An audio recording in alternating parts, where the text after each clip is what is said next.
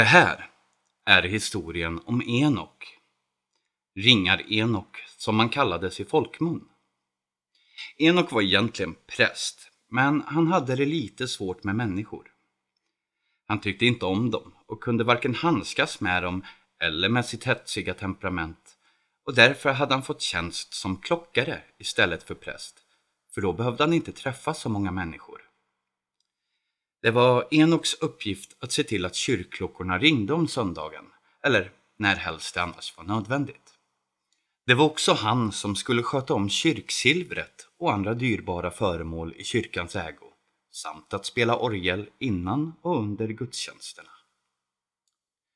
Han skötte allt det där noggrant och ordentligt, fast hårt och argt, som om han försökte hamra ihjäl orgeln och plåga livet ur kyrkklockorna.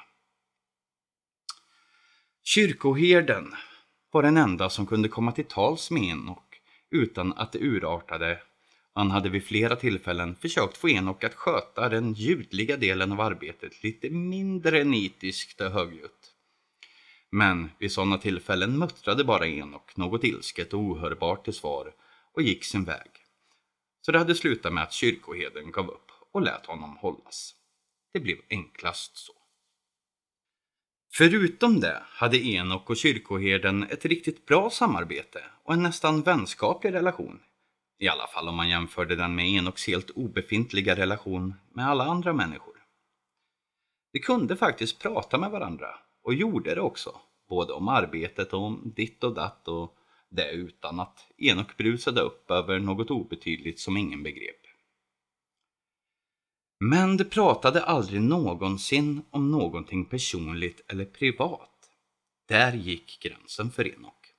Det tog tvärstopp och kyrkoherden var klok nog att respektera det och låta sådant vara. Enoks eldfängda humör till trots var människor inte rädda för honom. De tyckte att han var besvärlig och smittade av sig med sitt konstant urusla humör och därför tyckte de inte om honom och undvek honom om de kunde. Vilket passade Enok utmärkt eftersom han inte tyckte om dem heller och helst av allt bara ville bli lämnad i fred. Han hade nog gärna sluppit andra människor överhuvudtaget om det bara var möjligt. Men eh, när det nu var som det var med den saken hade han beslutat sig för att kyrkoherden kunde duga. Men mer än så var det inte heller. Det fanns en bostad som egentligen hörde till tjänsten som klockare. Klockargården.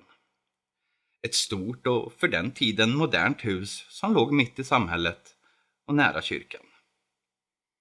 Enok fnös åt Klockargården och vägrade att bo där allt folk sprang benen av sig dagarna i ända. Han tänkte verkligen inte bo där hur mycket kyrkoherden än försökte övertala honom. Och Enok bosatte sig istället i en mycket liten stuga en bra bit utanför samhället och avskilt där ingen människa någonsin hade ärende, så att han fick vara i fred med sitt humör. Det var långt att ta sig till kyrkan, men han köpte sig en häst, en gammal sliten krake, som tog honom dit och hem, och Enok var nöjd med det. Ingen, inte ens kyrkoherden, visste varför Enok var en sådan enstöring, eller varför Enok en gång tyckt att det verkade som en bra idé att bli präst med det sinneslaget. Man undrade lite över det men eftersom ingen vågade fråga Enok själv så fick man helt enkelt ta honom som han var. Och det gjorde man också. Kyrkoherden som hade vant sig vid honom med åren tyckte till och med om honom lite grann och hoppades att det var åtminstone lite ömsesidigt. Därför blev också kyrkoherden faktiskt ganska bekymrad när Enok en dag helt plötsligt inte kom till sitt jobb i kyrkan. Enok var oerhört plikttrogen, det visste kyrkoherden. Och han hade aldrig tidigare uteblivit på det här sättet. Varenda dag, i ur och skur, under 14 års tid hade Enok dykt upp punktlig som en klocka. Han hade skött sina sysslor utan annan anmärkning än att han gjorde det för nitiskt. Han hade till och med kommit den där gången när han var så sjuk att kyrkoherden fått hjälpa honom av hästen mindes han. Kyrkoherden rynkade pannan men lät saken bero. Detta var en fredag. Enok kom inte heller till kyrkan på lördagen. Kyrkoherden väntade hela dagen på att Enok skulle komma, men det gjorde han inte. Och nu började kyrkoherden bli riktigt orolig och lite irriterad. Klockan sex var det helgmålsringning. Vem skulle ringa i kyrkklockorna om inte Enok var där? Klockan blev sex. Fortfarande ingen Enok och kyrkoherden fick själv ringa i de tunga klockorna. Vid det här laget var han mer arg och irriterad än någonting annat och efteråt for han hem till Enok för att se efter vad det egentligen var som pågick. Kanske Enok låg svårt sjuk. Eller var han kanske full? Inte för att Enok brukade vara det, men han brukade inte utebli heller. Vem vet, tänkte kyrkoherden. Men om det är det sistnämnda tänker jag minsann låta honom föra ett och annat som inte nödvändigtvis hör hemma i kyrkan. Och jag tänker strunta fullständigt i hur tjurig han blir. När han äntligen kom fram var det så tyst och stilla kring Enoks lilla stuga. För tyst. Det var faktiskt så tyst och stilla att det fick hela platsen att kännas öde och övergiven. Enoks gamla raggiga häst stod dock lugnt och betade en bit bakom huset. Och det fick honom att tro att Enok trots allt var där. Kyrkoherden var fortfarande lite arg, så han stegade bestämt fram till dörren och bankade hårt och uppfordrande på den. Han fick inget svar där inifrån. Han bankade igen och ropade med sin allra bästa domedagsstämma på Enok. Inget svar nu heller. Kyrkoherden gick ett varv runt den lilla stugan och kikade in genom fönstren samtidigt som han ropade på Enok med barsk och myndig röst. Han fick fortfarande inget svar och efter att ha tittat i alla fönster och inte sett Enok ligga sjuk eller full där inne någonstans drog han till slut den självklara slutsatsen att stugan var tom. Enok fanns inte där. Det var konstigt, tänkte kyrkoherden. Enok brukar aldrig vara borta och hans häst är ju här. Han kan ju inte vara långt bort. Kanske han bara är i skogen på något ärende och hör mig inte. Kyrkoherden ropade några gånger till ännu högre men utan resultat och till sist gav han upp och for sin väg. Inte heller på söndagen dök Enok upp för sin tjänstgöring och nu hade kyrkoherdens ilska lagt sig helt och övergått i en genuin oro. Det här var helt fel, det måste ha hänt Enok något hemskt. Det var ovanligt svårt att hålla predikan just den söndagen eftersom han hade tankarna på annat håll och hade svårt att koncentrera sig och hålla tråden. När han till slut var färdig så talade han till sin församling om vad som hänt. Han berättade för dem att orgen varit tyst under högmässan för att Enok inte var där och inte hade varit det på tre dagar. Och han frågade dem om någon sett till Enok de senaste dagarna. Ingen kunde påminna sig om att de hade sett Enok och ingen sa sig heller ha varit i närheten av hans stuga. Då, sa kyrkoherden, förklarar jag Enok försvunnen och det betyder att vi måste leta efter honom. Det måste ha hänt honom något. Kanske ligger han skadad någonstans. Församlingen mumlade och skruvade på sig där de satt på bänkarna. Det ville inte. Det brydde sig inte och det tyckte inte om Enok. Ingen av dem hade någon som helst lust att offra söndagen, deras enda lediga dag, på att leta efter den där tjurgubben som det ändå alla skulle klara sig bättre utan. Men kyrkoherden spände ögonen i sin församling och honom trotsade man inte ostraffad. Och snart hade ett antal motvilliga människor anmält sig som motvilligt frivilliga och bildat en ganska stor och motvillig skallgångskedja. Väl ute vid Enoks stuga anslöt ännu fler motvilligt frivilliga. Och strax var sökningen i full gång och ropen skallade så att ingen människa kunde missa dem. Inte ens Enok. Man letade överallt och väldigt noggrant för ingen vågade dra på sig kyrkoherdens vrede. Man letade i buskar och snår, i diken och på ängarna, fälten och hagarna. Man gick i långa kedjor, bit för bit, genom skogen. Någon upptäckte att dörren till stugan faktiskt var olåst och klampade in med kyrkoherden i hälarna för att se så att Enok inte trots allt låg där inne någonstans, svårt sjuk eller skadad. Men det gjorde han inte. Det syntes heller inga spår av att någonting hänt där. Eller att Enok plötsligt bara bestämt sig för att flytta vidare någon annanstans. Alla hans saker var kvar. Det var rent och snyggt och god ordning rådde. När kvällen kom fanns det fortfarande inte ett spår av Enok. Kyrkoherden var både förbryllad och mycket orolig. Och nu började även hans församling att tycka att det faktiskt var väldigt konstigt. Hur kunde en person försvinna så spårlöst i tomma intet? Det tisslades och tasslades som än det ena än det andra och den ena vilda gissningen efter den andra ventilerades öppet, som vore det sanning, tills ingen visste varken ut eller in. Kyrkoherden oroade sig över det också. Något måste göras innan hela den besvärliga situationen gick honom fullständigt ur händerna. Så på måndagen letade kyrkoherden rätt på länsman och framlade sitt problem.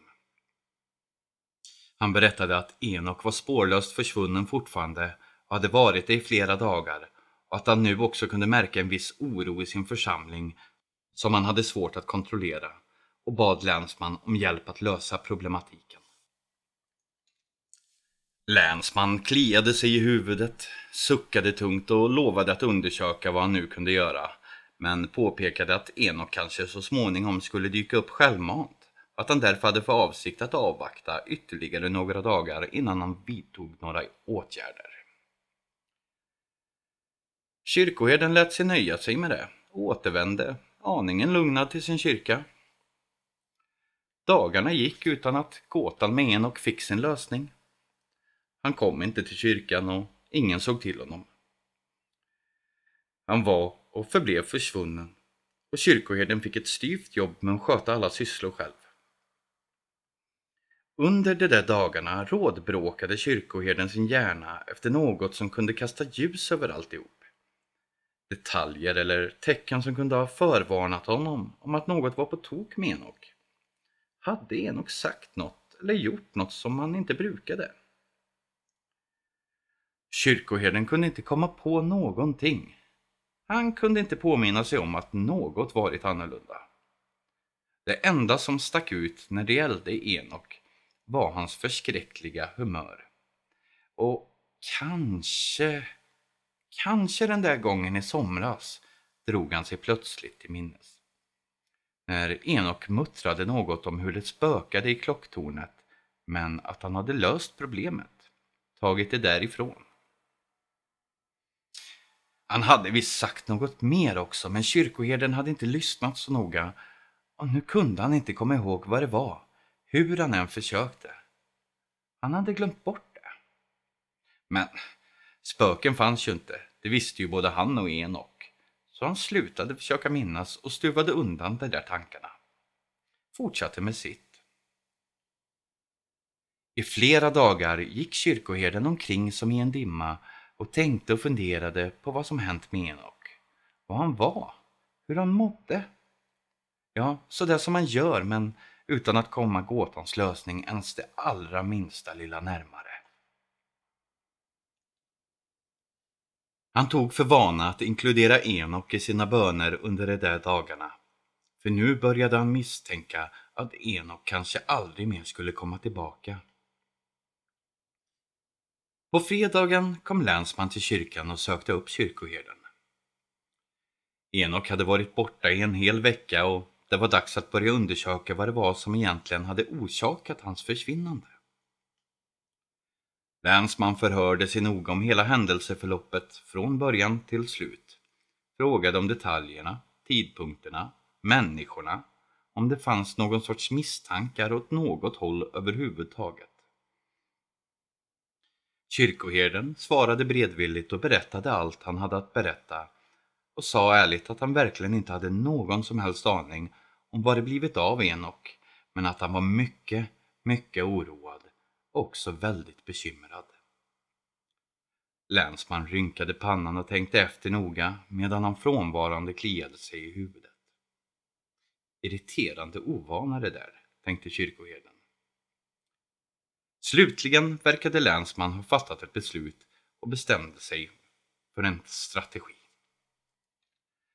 Han sa till kyrkoherden att han skulle ta med sig ett par konstaplar och börja med att åka ut och undersöka Enoks stuga. Kanske skulle de hitta något där som kunde förklara saker och ting. Men han ville ta kyrkoherden med sig dit. Han ville att han skulle följa med, dels för att det faktiskt var brukligt i sådana här fall, men också för att kyrkoherden var den som kände Enok bäst och därför kanske kunde se en sånt som andra inte såg eller reagerade på, så som var olikt Enok.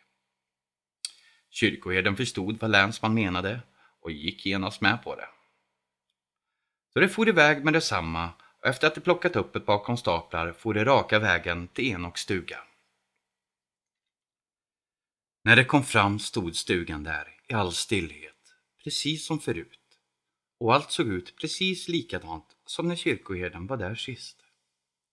Det såg lika tomt ut som sist också och den gamla hästen gick fortfarande där och betade med svansen piskande efter flugor och blindningar så att svischandet överröstade tystnaden. Hästen såg ganska maläten ut och det knakade och knäppte i de gamla stela lederna när den tog några steg framåt och ruskade på sitt stora huvud så att spott och halvtuggat gräs stänkte. Men allt såg fruktansvärt och oåterkalleligt orört ut. Kyrkoherden hade onda aningar om detta. Länsman gick fram till dörren och bultade hårt på den. Öppna Enok! Det är länsman! röt han genom den stängda dörren utan någon som helst tvekan eller osäkerhet beträffande Enoks humör. Ingen svarade och inte ett ljud hördes inifrån stugan. Länsman tryckte ner handtaget för att öppna dörren men upptäckte att den var låst. Var inte dörren öppen och olåst sa du? sa han till kyrkoherden. Jo, den var det förut när jag var här, svarade han och kände sig nu mer förvirrad än någonsin. Mhm, mhm, sa länsman och bultade ännu en gång på dörren utan resultat. Sedan bröt han sig helt enkelt in. Han hämtade en kofot och bröt upp Enoks dörr. Bara sådär. Kyrkoherden var förfärad och kände det som att han hade svikit Enok. Han visste ju mycket väl vad Enok skulle ha tyckt om ett sådant tilltag. Men det här var ju en väldigt speciell situation, tänkte kyrkoherden. Alla fönster var hela och ordentligt stängda och när dörren väl var öppen kunde de se att den var av sådant slag att den bara gick att låsa utifrån. Av det drog de genast slutsatsen att Enok inte fanns i stugan. Men de gick försiktigt in ändå för att se om de kunde hitta något som kunde förklara hans försvinnande. Det gjorde de inte. Allt var tyst, tomt och välordnat, precis som förut. Men så fick kyrkoherden syn på en låda i ett hörn i köket som han var absolut säker på inte hade stått där tidigare och gjorde länsman uppmärksam på det. Länsman betraktade lådan under tystnad en stund, memorerade. Den var av ljust obehandlat trä och en gånger en meter, skrev han i protokollet. Låst på utsidan med lås. Ett okänt ljud tycks komma ifrån den. De såg sig omkring efter nyckeln men naturligtvis kunde de inte hitta den någonstans. Eftersom ytterdörren plötsligt var låst, eftersom den där lådan plötsligt dykt upp från ingenstans, eftersom Enok var försvunnen, bestämde länsman att man måste öppna lådan för att se om den innehöll något som kunde lösa den här knepiga situationen. Så han hämtade kofoten och bröt upp lådans lock. Länsman ryggade baklänges flera steg när det fruktansvärda innehållet blottades där i Enoks stuga, i hans hem. Kyrkoherden kunde inte hålla tillbaka ett utrop av fasa och vämjelse och de båda konstaplarna rusade ut på gården för att hämta andan. Ingen av dem hade någonsin sett eller hört talas om någonting liknande och gjorde det heller aldrig igen efter den gången, tack och lov. För i den lådan, den en gånger en meter stora lådan, låg Enok. Synnerligen hoptryckt, skrev länsman i protokollet. På något sätt hade Enok, en man av medellängd, med stor kraft pressats ner i den där lådan varefter locket stängts och lådan låsts från utsidan. Men varför? Och hur var det möjligt? Var hade han varit och hur hade han hamnat i lådan? Det blev naturligtvis en omfattande utredning om hela händelsen, som förresten finns att läsa i sin helhet på länsarkivet. Och det kom faktiskt fram ytterligare en sak som gjorde alltihop ännu konstigare. Jo då, det är faktiskt möjligt. För Enok dog av kvävning. Och när man undersökte de kläder han hade på sig i lådan hittade man två nycklar. Den ena gick till dörren till stugan. Den andra gick till låset i lådan. Och båda kunde som sagt bara låsas utifrån. Den här märkliga gåtan saknar än idag sin lösning och det kommer det nog att fortsätta med. Kyrkoherden jordfäste Enok på en hedersam plats så snart det var möjligt och han ringde själv i klockorna för sin döda kamrat. Lådan behöll han och så vitt jag vet finns den fortfarande att beskåda i den berörda kyrkan.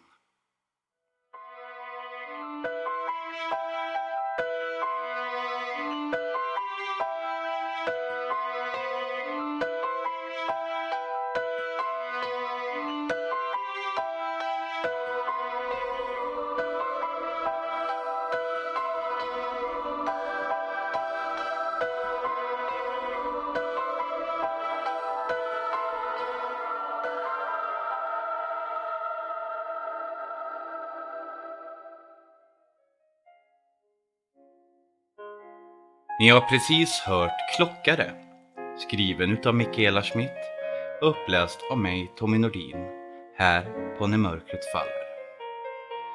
Det här är näst sista avsnittet innan vi tar säsongsavslut. Det kommer bli ett lite mindre sommarlov, men vi lovar er att det kommer nog en bonus. Ni har ju fortfarande inte fått hört slutet på Fantomminnen ifrån förra sommaren. Och känner ni att ni har lyssnat på alla våra avsnitt och ändå vill grotta ner er i poddar i sommar så har jag dessa tips. Det är Berättarpodden. Folksagopodden. Mannen med den gula rocken. När man talar om trollen. Oknytt. Mytologipodden. Dessutom med tanke på den låda vi har haft idag så vill jag också tipsa om Monsterboxen. Det finns länkar till alla dessa poddar i vår beskrivning. Och vi hoppas att ni ser fram emot det sista avsnittet inför säsongsavslutningen. Ja, eller det som är säsongsavslutningen. Tack så jättemycket för ikväll. Och hoppas, för Guds skull, att ni inte har låst. Nu, när mörkret faller.